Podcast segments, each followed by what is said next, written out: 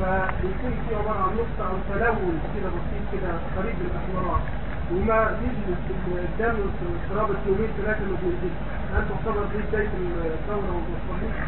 إذا جاء في وقت الدورة فيه حيض على الصحيح.